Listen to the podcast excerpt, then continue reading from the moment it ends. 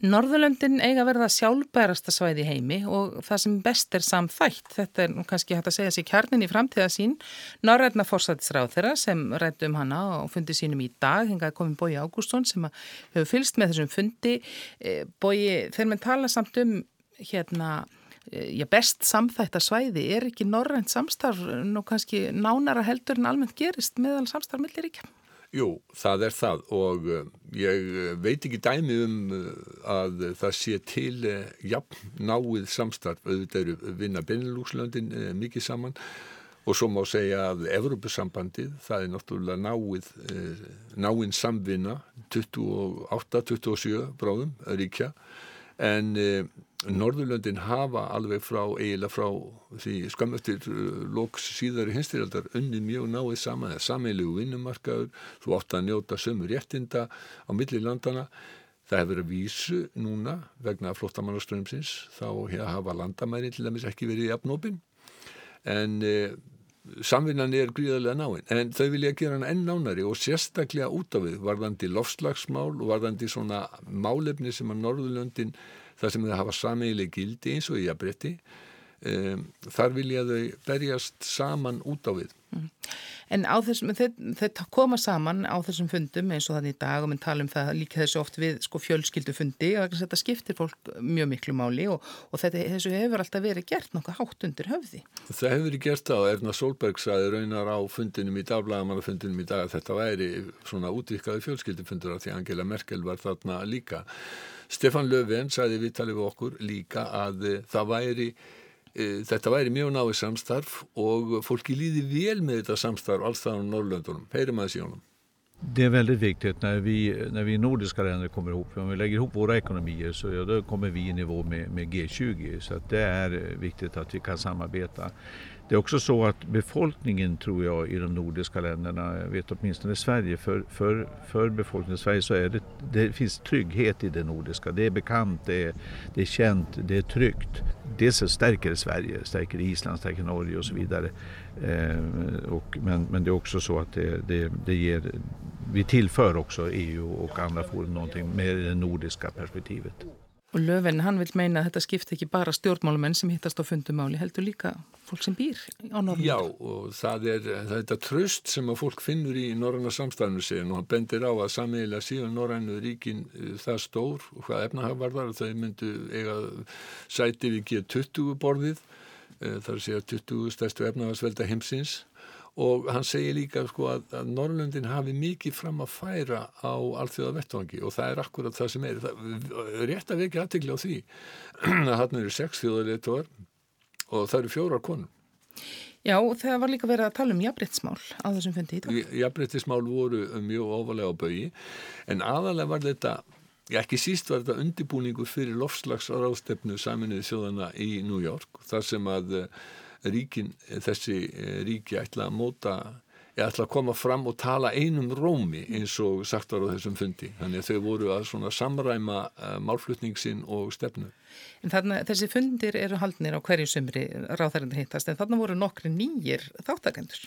Já, þarna eru nokkri nýjir þáttakendur. Þarna er náttúrulega Mette Freyrisson sem er nýkjörinn fórsættisáþra Danmerkur og finski fórsættisáþran. Hann er líka að koma uh, í fyrsta skipti til uh, þessa fundar og auðvitað má svo sem segja Angela Merkel, hún hefur ekki settið svona fundi áður en það hafa aðrir leðtóður utan Norrlandana á nú frækt þegar, þegar David Cameron kom uh, á sínum tíma. Cameron vildi auka mjög samstað Breitland, Breitlands við Norðurlöndin en e, þess sé nú ekki mikinn stað í augnablikunni hjá núverandi stjórnmöndum í Breitlandi. Þeir hafa náttúrulega ekki hugsað manna en Brexit í þrjú ár. Mm, það er kannski þannig að það er ekki alveg víst hvernig verður um hinn sameilega vettvang Norðurlandana og, og Þýskaland sem verðum alltaf þessum.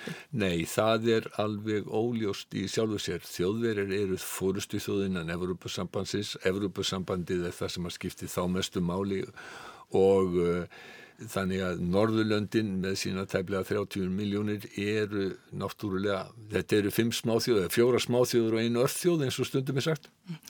En það er svona eins og segir, það er lofslagsmálin, eh, jafnbreðsmálin, það var reyndar örstuð líka verðum vikið að því sem að var að tala um svona eiginlega uppgang öfgaabla og í hérna í og svona ógnir líðræðisins svona stóra orð sem voru nefnd en það hefur kannski ekki mjög mikið þeirst talað um árangan af því. Nei, það var leittóðinni fengu alls konar spurningar á blagamannafundinum og það var nú daldi áberandi að sá þíski, hann, hann var að spurja út í þísk málefni þannig að auðvitað er það þannig að, að og, og bladamenn hafi ekkert óskaplega mikið aðgengi að Angelu Merkel, það er allt öðruvísið með norræna fórsættisáþurina, þannig að þeir nótuðu takkifærið þarna. Já.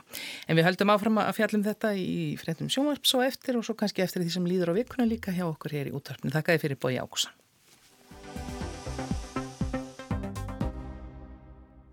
Sérfæðingur í hafréttamálum segir að málflutningur anstæðinga þriðja orkupakkan sé óskiljanlegur. Fulleriðingar um að með samþygtans skuldbindi ríkisi til að standa ekki í vegi fyrir sæstrengi standist ekki. Í hafréttar sáttmálasaminu þjóðana sé skýrt kveða um að enginn geti lagt sæstrengi landhelgi nema með samþykki viðkomandi ríkis, það er Íslenska ríkisins í þessu tilfelli. Það er stemt að því að atkvæðagreysla fari fram á alþingjum þriðja orkupakkan mánudaginn annan september. Anstæðingar einleðingar vilja að pakkanum verði hafnað og þeim tilmælum komið til sameilu EES nefndarinnar að Ísland verði undan þegi einleðingu hans í ljósi þess að Ísland er ekki tengt raforkumarkaði ESB. Rök þeirra eru meðal annars að Ísland get ekki staði í vegi fyrir því að hér verði lagður sæstrengur með tengingu, hækki raforkuverð og orkuöryrki landsins ógnað. Frosti Sigur Jónsson, einn talsmaður orkunar okkar, sagði á fundu utanengismálu nefndar í gæri að já við orkubakkanum veri já við sæstreng. Bendir á texta í aðfara orðum að reglugerinum orkubakkan en þar segir aðeldaríkin skulu vinna nái saman og fjarlæga hindranir í vegi viðskipta með raforkum og jargas yfir landamæri í því skyni að ná fram markmiðum bandalagsins á sviðu orkum tilvinnu líkur.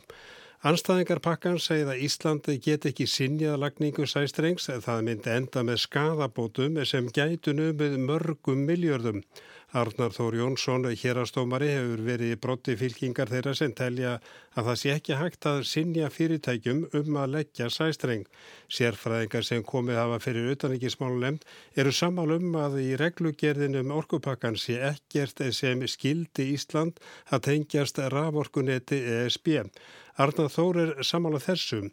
Hann segir að lagning sæstrengs felist hins veri innleiðingu pakkans vegna þess að uh, það er verið að undirgangast þarna ákveðina skuldbindingar til þess að þvælast ekki fyrir þeim sem vilja leggja sæstreng til Íslands. Fjárföstum og fyrirtækjum sem segja við erum með fjármagn og við erum tilbúin að leggja þennan streng. En hvernig svara Bjarni Már Magnússon, professor við lagadeild Háskólas í Reykjavík, þessum fulliringum? Sérs við hans er hafsbotnin og doktorsritgir hans fjallar um deilur um landgrunnið. Hann að þetta standist engi rög. Hann bendir á að Hið eigilega alþjóðlega regluverk um sæstreng sé að finna í hafréttir samningi saminnið þjóðana. Samkvæmt hafréttarsáttmálun og bara í samræmi við fullveldi ríkja e, þá ráða ríki hvort að lagður er einn sæstrengur á e, þeirra yfiráðsvæði og í þjóðarettir yfiráðsvæði skilgrengt tannig að það sé landsvæðið, svo það sem kalla einsafi og landhelgin. Þannig að það fer enginn þarna inn nefnir samþyggi íslenska ríkisins. Hann segir líka að fulliringar um skadabótarskildu íslenska ríkisins standist ekki. Þeir sem haldiði fram get ekki bent á neina stóð fyrir sæstrengja skildu aðeins ég vitnaði í engangsorðin.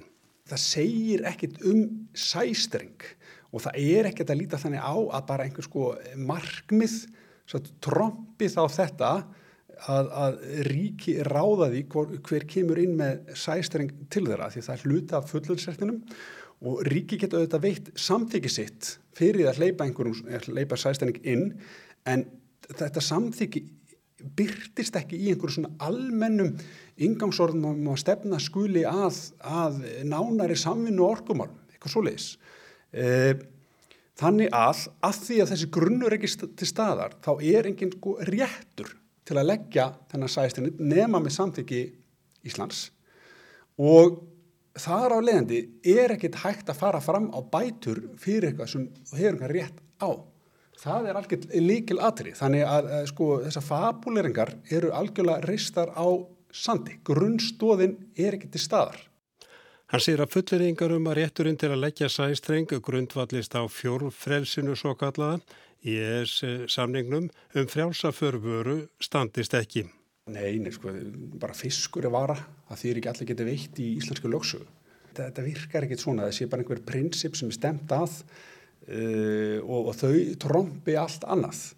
Rög þeirra sem segja að lagning sæstrengs tengist orkupakkanum lúta því að Íslenska ríki skuldbindi sig til að þvælast ekki fyrir þeim sem vilja leggja hinga sæstreng. Bjarni Már felst ekki á þessi rög. Það er enga veginn hægt að, að komast að þeirri niðurstöðu. Þetta er bara, eins og ég sagt aður, sko, þetta er einhver töfrabrögð. Þetta er, þetta er raun og veru óskiljanlegur málflutningur. En finnst þér þessi umræða þá enginleg í þínum huga í ljósi þess að uh, það er bara svo einfalt að, að fyrirtæki get ekki farið inn í íslenska landhelgi með sæstreng án samþykis íslenskra yfirvalda?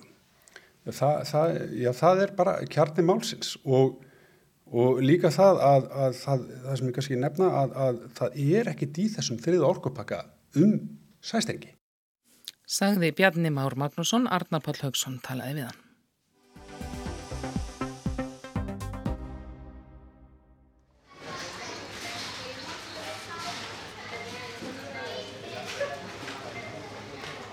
Með því að borða sjálfnar yfir okkur, minka kjötátt og draga úr matarsóun getur við stuðlaða sjálfbærari landnýtingu á heimsvísu og spórna gegn loslasbreytingum. Þetta kemur fram í nýri skýslu vísindanemdar saminuð þjóðana um samspil landnýtingar og loslasbreytinga. Hér hefur kólefnisfótspór matvæla verið nokkuð í umræðinni og veganismi sömuleiðis. En borðum við minna kjöti eru fleiri ornir græmmetisætur. Þess er erfitt að svara því tæpur áratugur er síðan matarvenjur Íslandinga voru síðast kannaðar. Greta Maria Gretarstóttir, frankandastjóri krónunar, telur þó að mataræði Íslandinga hafi tekið töluverðum breytingum á síðustu tíu árum. Við sjáum það og við hefum séð þessa þróun bara í svona nokkur ára. Kjötnesla er að minga sem hlutfall af heldarsölu og við sjáum að á móti kemur að ávast og græmitir eru aukast mikið. Og síðan sjáum við þetta þessa, eins og segja kannski ekki kalla veganbyltingu og græmitisrættir að þeir eru að koma mjög sterkir inn og úrvaliði líka orðið mikið mikið meira.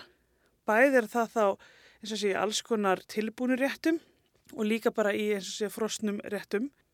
Hvað er að tala um mikla aukningu í, í neyslu á þessum græmitisborgurum eða umfi eða þessum vegan varningi í öllum? Það er alveg bara tvöföldun á þrejum árum. En líka eins og segja þá meðan er úrvali líka verða meira.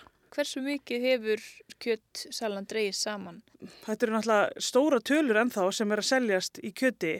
Ég er ekki að tala um að segja einhverju 10% ári en það er kannski svona bara svona smátt og smátt að minka en yfir að maður skoða kannski 10 ára tímabil þá eru við að tala um nokkrar prósendur. Greta segir frambóð á mat líka orði fjölbreyttar en áður. Til dæmis hafi frambóð af asískum og meksikoskum mat aukist mikið á síðustu 10-20 árum en slíkir réttir innihaldi oft minna kjöt en hefðbunir íslenskir réttir.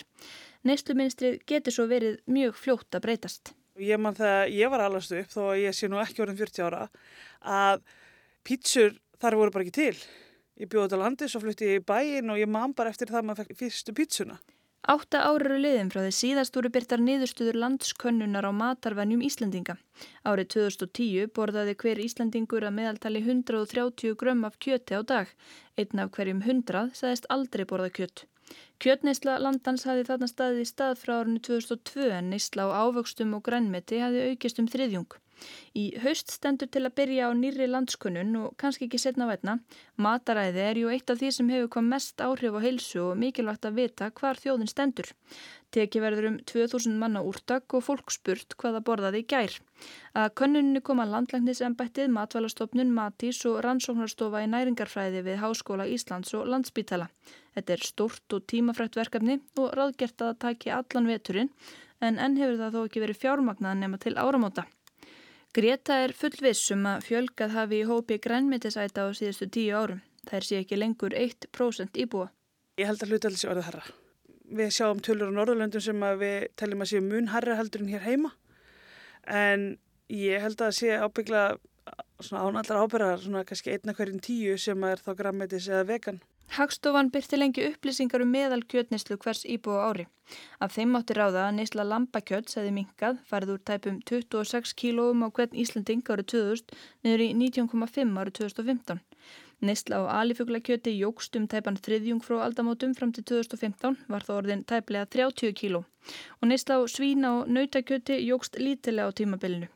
Þessar tölur er ekki gallalausar, hagstofan hætti að taka þeir saman því neysla ferðamanna var farin að skekja myndina. Við höfum alveg séð það að hana, bæði þá svínakjöfsnesla og kjúklinganisla hefur aukist en við erum ekki að sjá aukningu þar til dæmis eins og kjúklingum mill ára eins og var þróunin.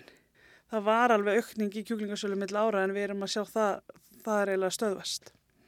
Og þá eins og segja bara komin alls konar eins og vegan möguleikar í staðin. Um fjóruðungur losunar gróðursaloftegund á heimsvísu skrifast á landnótkun.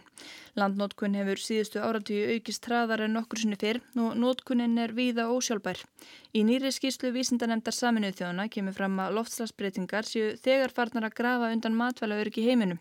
Það þurfa bæta umgengnum land og nýta það betur þannig að jörðin geti áfram brauðfætt mannkinnið.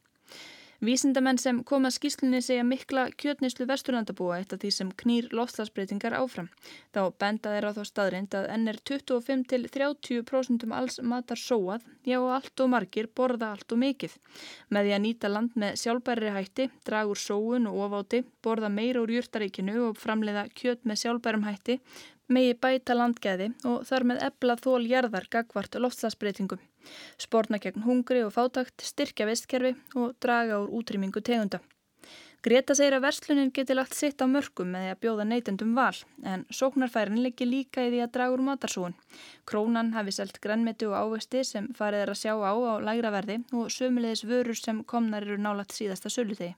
Og við erum að sjá magni sem við erum að selja í þessu hefur tvöfaldast á senstu tólmánu.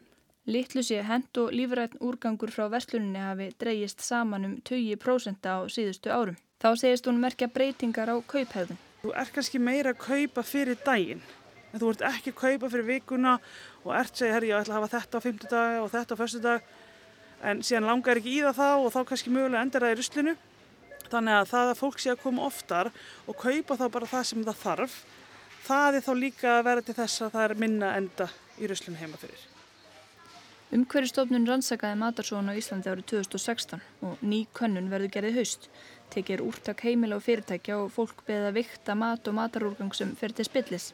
Í ljós kom að hver íbúi hér á landi hendi að meðaltali 23 kílóum af nýtanlegu mat á ári hverju, 22 kílóum af matarólju og fetu og 199 kílóum af drikju.